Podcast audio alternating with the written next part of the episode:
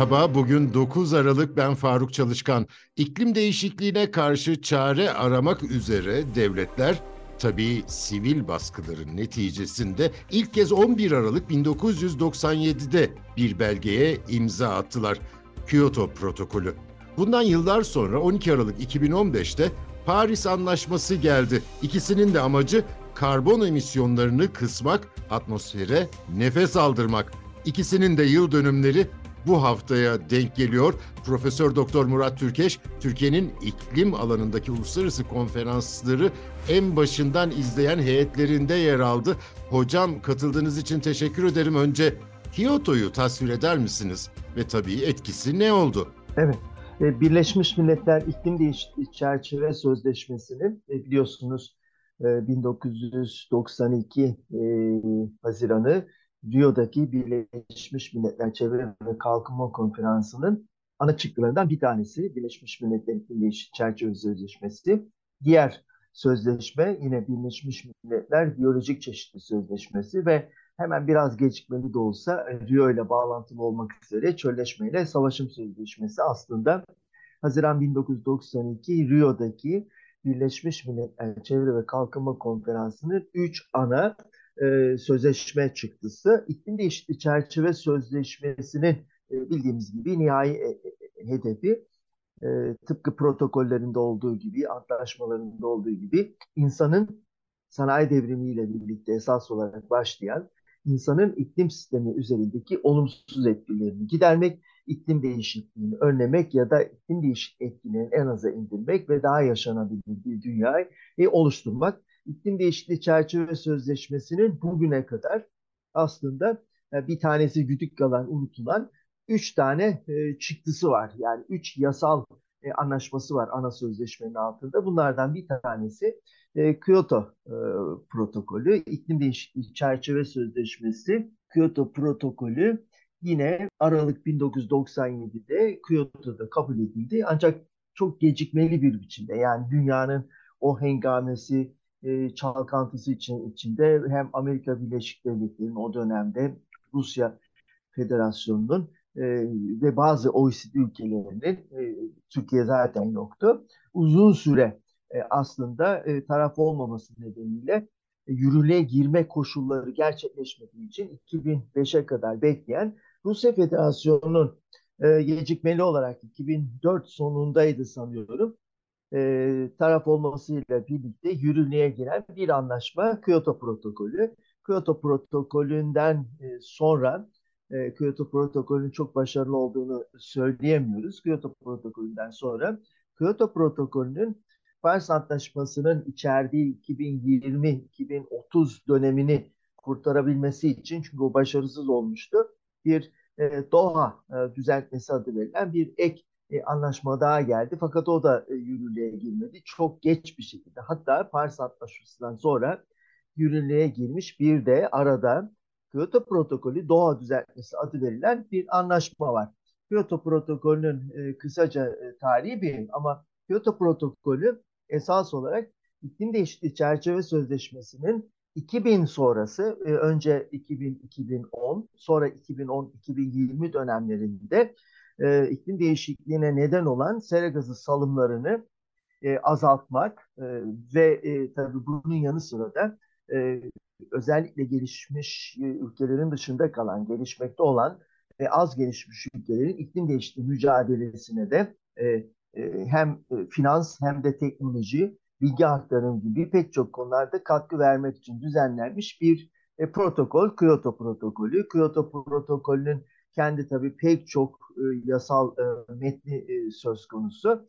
E, bunların e, içerisinde en önemlisi karbondioksitin e, başta karbondioksit, e, metan, diazot monoksit ve diğer üç e, gazla birlikte e, sera gazıyla birlikte e, birinci yükümlülük döneminde yani e, ortalama koşullarda e, 2000'e göre 2010 yılına kadar küresel ölçekte e, karbondioksit, metan, diazot monoksit, hidroflorokarbonlar, perfluorokarbonlar ve sülfür heksofluorit gibi e, başlıca sera gazlarını e, azaltmak, karbondioksitte de yüzde beş bir azaltma yapmak e, ana hedeflerinden bir tanesiydi. Kyoto protokolünün e, Kyoto protokolünün e, gelişmiş ve pazar ekonomisine geçiş sürecindeki e, ülkelere ki onların biliyorsunuz tamamı Avrupa Birliği üyesi oldu. Onlara e, ve e, OECD ülkeleriyle birlikte e, aslında iklim değişikliği çerçeve sözleşmesinin ek birdeki ülkeleri Kyoto protokolünün de e, ek B'sini oluşturdu ve bu ülkelere de küresel ölçekte en az yüzde beş kendi içlerinde ise farklı yükümlülükler vermiş bir antlaşma olarak karşımıza çıkarıyor. E, buna göre de e, aslında başlangıçta çok umut beslenen bir antlaşma Kyoto protokolü. Kyoto protokolünü soracaksınız biliyorum o yüzden biraz düzeneklerinden söz etmek istiyorum. Kyoto protokolü aslında o dönemde tabii çok yaygın olduğu için küreselleşme eğilimlerine ve pazar ekonomisi koşullarına, liberal pazar ekonomisi koşullarına uygun düzenekleri var. Yani sera gazı salımlarını e, buna bağlı olarak da az önce saydığım 6 ana sera gazı ama ağırlıklı karbondioksit buna bağlı olarak da iklim değişikliği etkilerinin azaltma etkinliklerini en düşük maliyette yüklenmek için gelişmiş ülkelere sağlanan e, ulusal sınırın dışına çıkma kolaylıkları sunuyor. Bunlara Kyoto protokolü düzenekleri ya da esneklik düzenekleri adı veriyoruz. Ortak yürütme, temiz kalkınma düzeneği ve salım ticareti e, bunlar e, ana Kyoto protokolünün ana esneklik düzenekleri olarak karşımıza çıkıyor. E, ortak yürütme gelişmiş ülkelerle gelişmekte olan ülkelerdeki sera gazı salımlarını azaltmak için yürütülen her iki tarafa da fayda sağlayan bir düzenek. Temiz kalkınma düzeneği de yine bir çoğu gelişmiş ülke olmak üzere bir yatırımcı ülkeyle gelişmede olan bir ev sahibi ülke arasında yine proje temelli bir e, düzenek. Yine bu da her iki e, tarafa da katkı sağlayan ya da katkı sağlanması öngörülen bir düzenek idi. E, Paris Antlaşması kapsamında da tartışılan yine sera gazı salımlarının alınıp satılmasını yani karbon ticaretini içeren ilk aslında düzenekte yine ABD'deki hava kirliliği e, amaçlı düzenek e, dışında Kyoto protokolündeki salım ticaretiydi. Bu da e, gelişmiş ülkelerin e, ilgili madde gereğinde kendi yükümlülüklerini yerine getirmek için e, e, en azından yükümlülüklerin bir bölümünü sera gazı salımları ticaretiyle gerçekleştirebileceklerin içeren bir düzenekti. Kyoto protokolü e, ne yazık ki bu zorunlu e, düzeneklere ve yükümlülüklere rağmen e, baş, başarılı e, olamadı ve az önce söylediğim gibi kendi süresini de tam gerçek anlamda tamamlayamadı. Doğa düzeltmesiyle yola devam etmek istedi.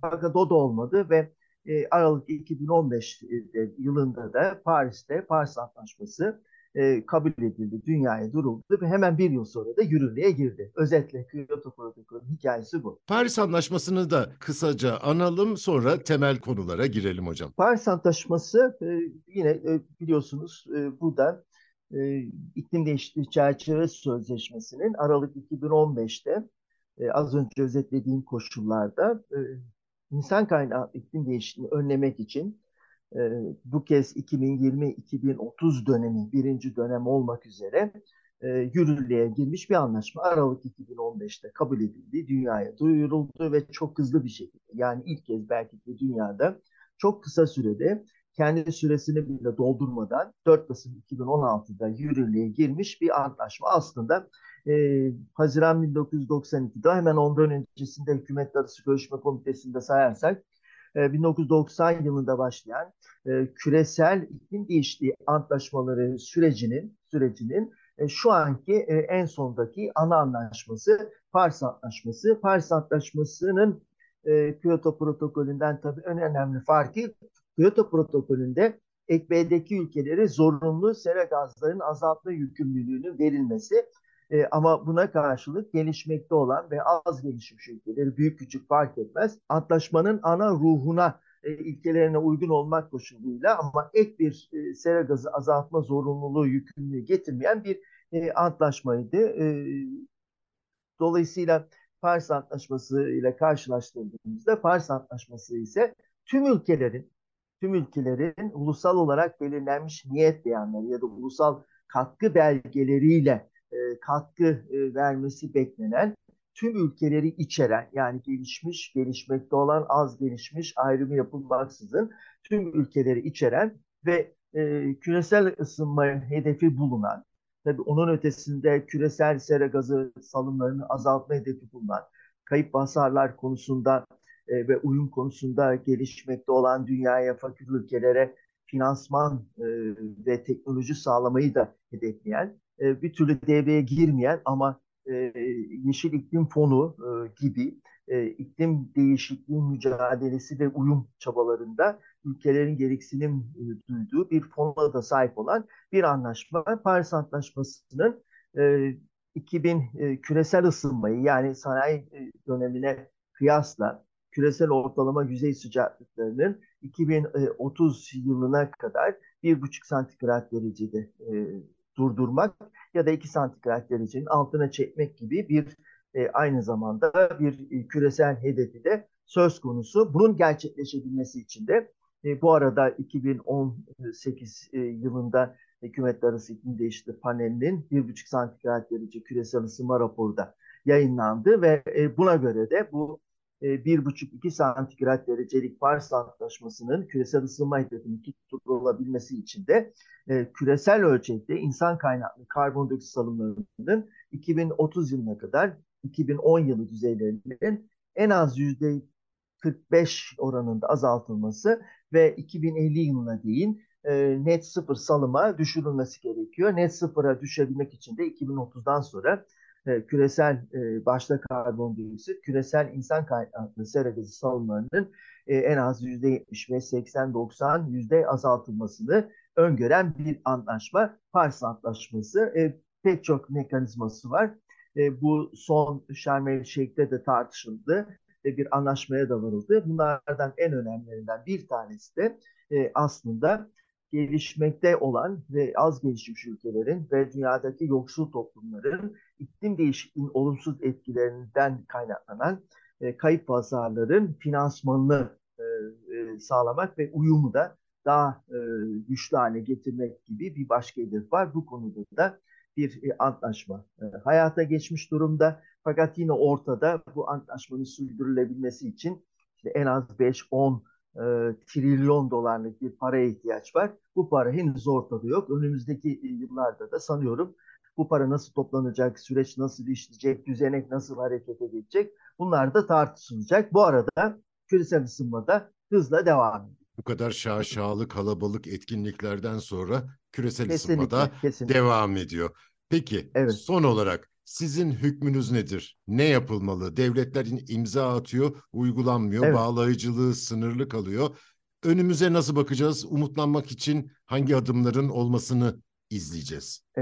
Artık pek e, umutlanacak bir zaman kalmadı ama hala yapılacak çok iş var. Öyle başlamak lazım. Çünkü hep umut var diye diye bugüne geldik. 30 senedir bu konuşuluyor ki e, Mısır'da da cümleler böyle önce kuruldu. Fakat bunun öyle olmadığı anlaşıldı ve iş paraya döndü. E, ama yine de sera gazı salımlarını 2030'a kadar daha hızlı azaltabilecek, daha azimkar, hani biliyorsunuz süslü sözler de kullanılıyor. E, daha azimkar, daha güçlü, daha hırslı hedefler belirlenemedi. Bu da yine geleceğe bırakıldı. Bana e, göre açıkçası bilimin öngördüğü hükümetler arası iklim değişikliği panelinin bizim çalışmaları, Birleşmiş Milletler Çevre Programı ve uluslararası pek çok e, teknik, bilimsel, ekonomik e, örgütün ve enstitünün, araştırma merkezinin öngördüğü gibi insan kaynaklı sera gazı salımlarının başta karbondioksit, hemen ardından metan ve diozot monoksitin hiç zaman kaybetmeksizin çok hızlı bir şekilde azaltılması gerekiyor. Bunun en önemli tabii e, bunun başarılabilmesi için mutlaka e, yeni yenilenebilir enerjinin yani başta güneş ve rüzgar olmak üzere e, ve yine gıda güvenliğine, biyoçeşitliğe e, zarar vermeksizin biyoyakıtların birincil enerji içindeki bu atıklar da bunun içinde birincil enerji içindeki payını artırabilmek, bol, ucuz, en önemlisi bu. Dünya başka türlü iklim değişikliği mücadeleyi gerçekleştiremez. Bu Türkiye için de, Avrupa Birliği için de, Amerika için de geçerli. Ucuz, bol, herkesin ulaşabileceği yenilenebilir enerji kaynaklı elektrik enerjisini üretmek ve tüm sistemlerde, tüm araçlarda, makinelerde, fabrikalarda bu yenilenebilir e, kökenli elektriğin kullanılması. Yani elektrikli araçlar, elektrikli e, makineler, elektrikli otomobillerden söz ediyorum. Bunun için de tabii önceliğin bu yenilenebilir enerji kaynaklarında verilmesi gerekiyor. Küresel ölçekte yaşam tarzının, tüketim alışkanlıklarının mutlaka e, değişmesi gerekiyor. Gıda israfının e, mutlaka değişmesi gerekiyor. İklim direngen, sürdürülebilir, e, aynı zamanda iklim dostu tarıma mutlaka geçmemiz gerekiyor. Oradaki e, arazi e, bozulumunun azaltılması, aşırı tarımda e, kullanılan aşırı suyun e, azaltılması. Çünkü çok ciddi bir e, tarımda, e, sulamalarda ciddi su kaybı söz konusu. Yani kayıp kaçaklar, bilimsel olmayan, akılcı olmayan e, kullanımlar var.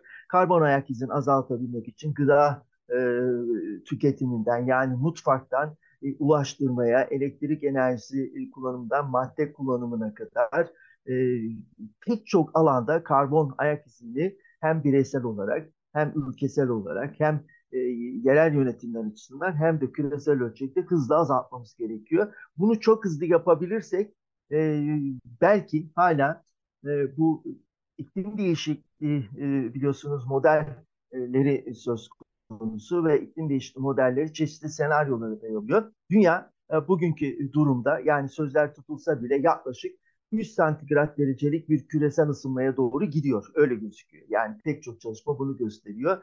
E, bunu e, en azından geriye çevirmek için e, çok hızlı bir şekilde e, ya da bunu zayıflatabilmek için yani 3 değil de 2-2,5'da tutabilmek için sera gazı salımlarını hızla azaltmak gerekiyor. Böyle özetleyebilirim düşüncelerimi. Profesör Doktor Murat Türkeş'e çok teşekkür ediyorum. Bizi hangi mecrada dinliyorsanız orada abone olmayı lütfen unutmayın. Hoşçakalın.